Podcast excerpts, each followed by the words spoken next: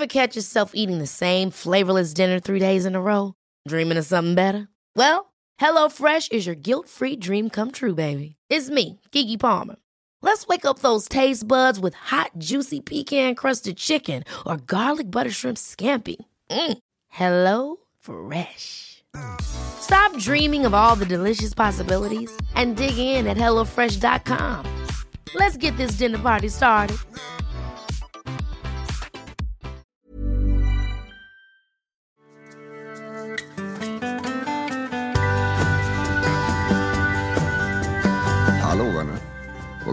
Här som sticker in näsan och eh, växlar några ord med er om eh, stressrelaterad psykisk ohälsa. Det är ju det vi gör i den här podden. Och eh, det ska vi göra även idag. Och idag ska vi prata om utmattning faktiskt. Och är det så att man känner att jag har med mig någonting till bordet här och, och vill kolla hur, hur, hur, jag kan bidra på ert sätt ytterligare så är hemsidan www.bjornrudman.se det är snabbaste vägen. Och vi ska prata just om, om utmattning idag. Eh, för det är väl någonstans, eh, ska man säga, essensen i, i det vi gör. Alltså stress, stress och ohälsa och sånt där, det kan komma i många olika skepnader och många olika ansikten. Men det är ju trots allt så att det, det är utmattningen och tröttheten och, och, hur den påverkar som är, som är det stora. Um, som är den stora konsekvensen så att säga.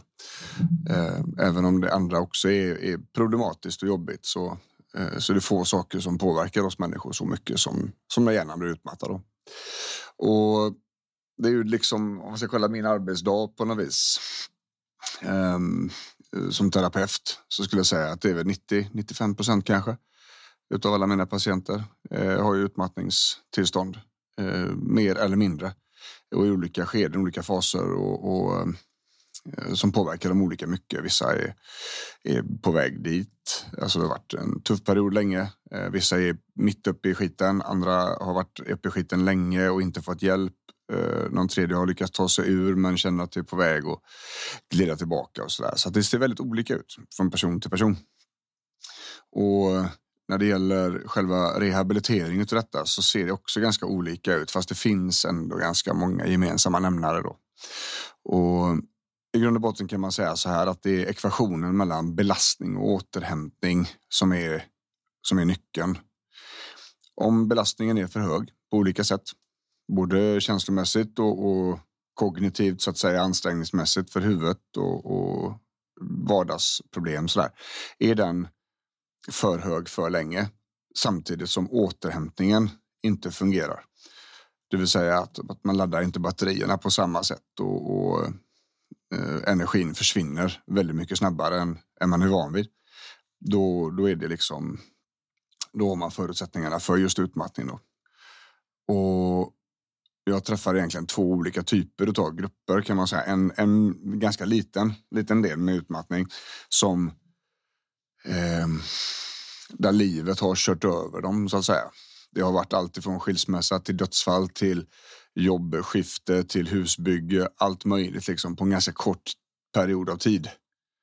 Det, det är en typ, men en ganska liten del. Jag skulle säga att det här är kanske 10 procent, 10-15 procent utav dem jag träffar i alla fall. Sen den andra stora delen, den stora massan så att säga, där är ju helt klart så att, att eh, det är reflexmässiga beteenden Eh, det vill säga att man gör saker på ett sätt som man inte styr över själv. Man, eh, man har ökat tempot successivt. Det har blivit mer och mer. Det har blivit större och större insatser som behöver göras till vardags samtidigt som har, så då har återhämtningen förskjutits längre och längre ut i periferin. Um, så där har vi en, en, en negativ ska vi säga, ekvation i belastning och återhämtning. Och, och det funkar kanske under en period. Det kan funka ganska länge. Men tids nog så kommer man till vägs ände då, där, där det inte funkar längre. Och, och då började det hända saker, i, framförallt i huvudet då. Ehm, det behöver inte bara vara i huvudet.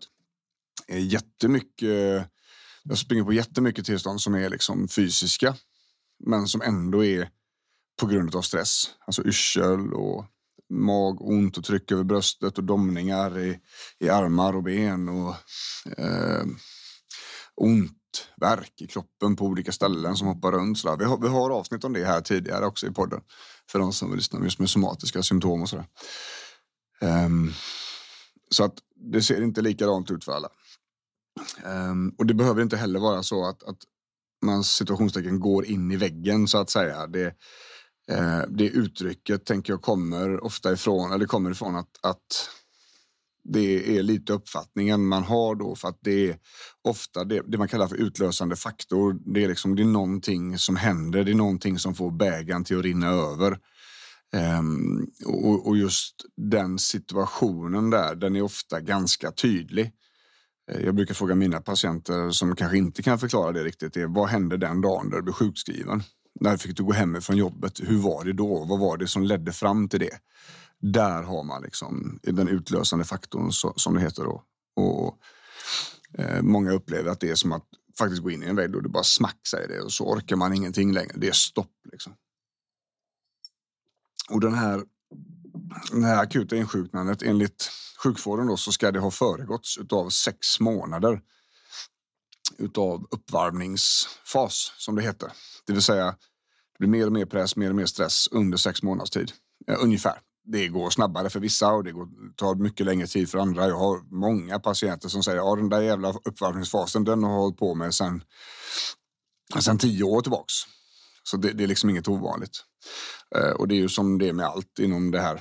Att det är inte antingen eller, eller svart eller vitt. Det går liksom inte att kategorisera. Det går inte att säga ja, exakt så här är det. För det kan vara, det kan se helt annorlunda ut för någon annan. Men den här uppvärmningsfasen som då leder fram till akuta insjuknandet. Och när man pratar med människor som blivit utmattade så är det väldigt, väldigt tydligt. De allra flesta när man tittar i backspegeln, när man tittar tillbaka på tiden som har varit, så kan de allra flesta tala om när det började spåra. De allra flesta vet i efterhand när det började skita sig. Och det är en väldigt viktig insikt för mig som terapeut att, att, att patienten har. För då, då kan vi använda det. Vi kan använda den insikten till att skapa strategier för att försöka få koll och, och skapa mer kunskap så att det inte händer igen och att man kan använda den situationen som var, den använder vi till att förstå. Eh, Okej, okay, det här behöver vi göra för att det inte ska hända igen. Då. Så att det finns jättemycket bra fakta att hitta när man tänker tillbaka lite. Samtidigt så finns det ingen anledning att älta det där. Det, vi kan inte ändra det, utan vi kan lära oss och sen kan vi gå vidare. Va? Och om man kollar upp på själva rehabiliteringen av utmattning så jag brukar försöka dela upp den i olika faser rent terapeutiskt för mig själv. Då. Ehm, den första, första fasen, första vi behöver göra i, i regel, det är att ehm, ja, det är lite olika från person till person, men vi måste börja med energin. Vi måste börja med orken för att det är mest akut för, för individen. Det, det spelar liksom ingen roll vilka ninjaövningar jag ger eh, patienten om man inte orkar göra den. Va? Eh, så att jag brukar alltid försöka börja och, och ta ett, ett, kraftigt grepp om orken och vardagen. Och då kan det handla alltid att man får dokumentera sin vardag, tala om vilken energi man har på riktigt. Eh, hur länge den räcker, hur den är över dagarna, hur, vilken energi har man när man vaknar, hur är den mitt på dagen, hur, hur är det när man går och lägger sig. Eh, är det någonting som dränerar energin mer än någonting annat? Eh, hur fungerar det liksom med med energiintag, mat, eh, vila på dagen, nattsömn och så vidare. Så man får inte kontroll över det där. Så vi, vi, kan se vad är det vi har att jobba med här. Va?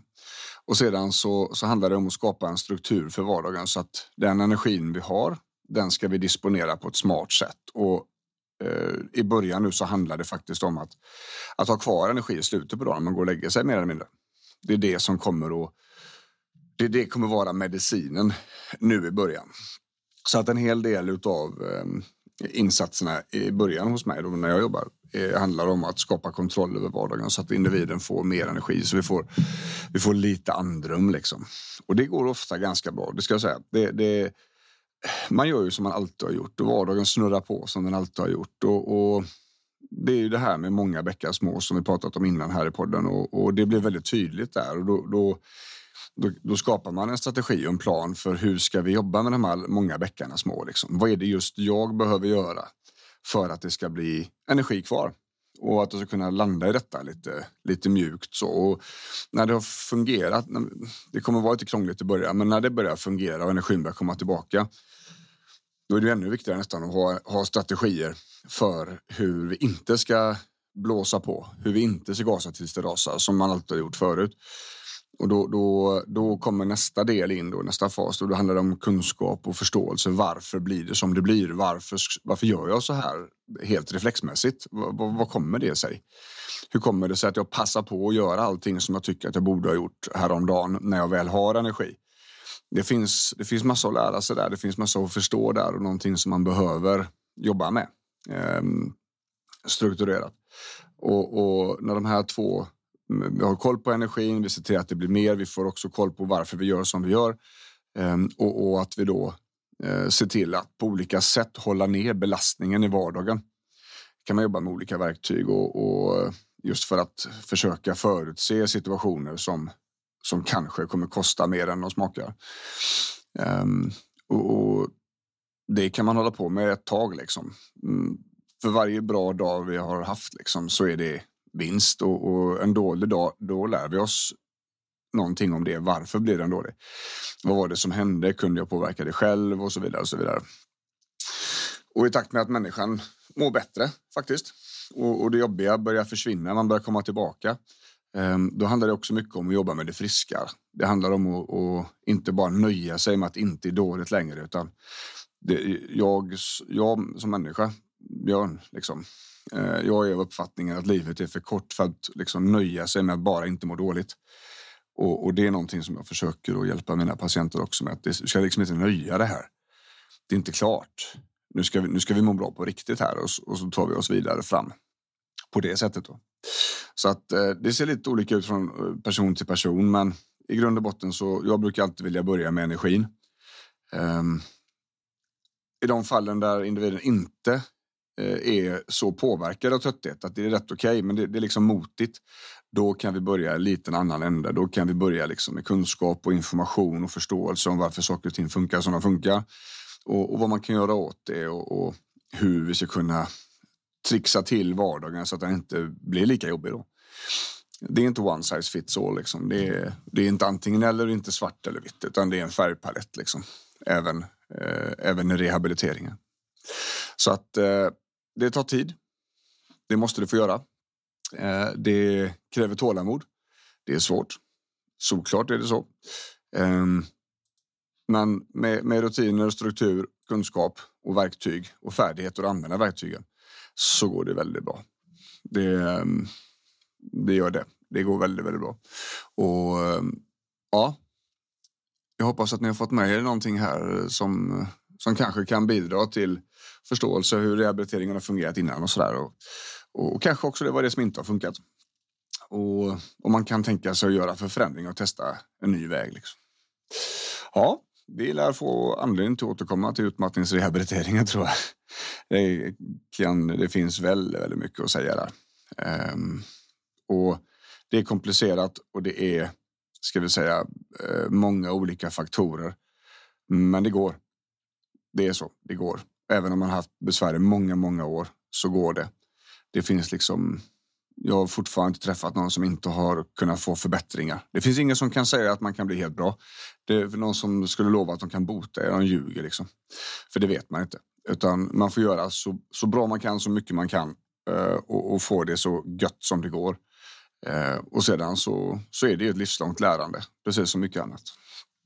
Ja, eh, bjornrudman.se för den som vill eh, komma i kontakt med mig eller så. Och eh, jag tackar så ödmjukast för att ni lyssnar. Jag kommer hålla på så länge ni är här så att säga. Och ni är ganska många.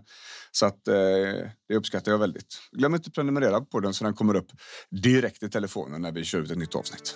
Hoppas att ni får en jättefin vecka här nu. Ha det gott! Hej!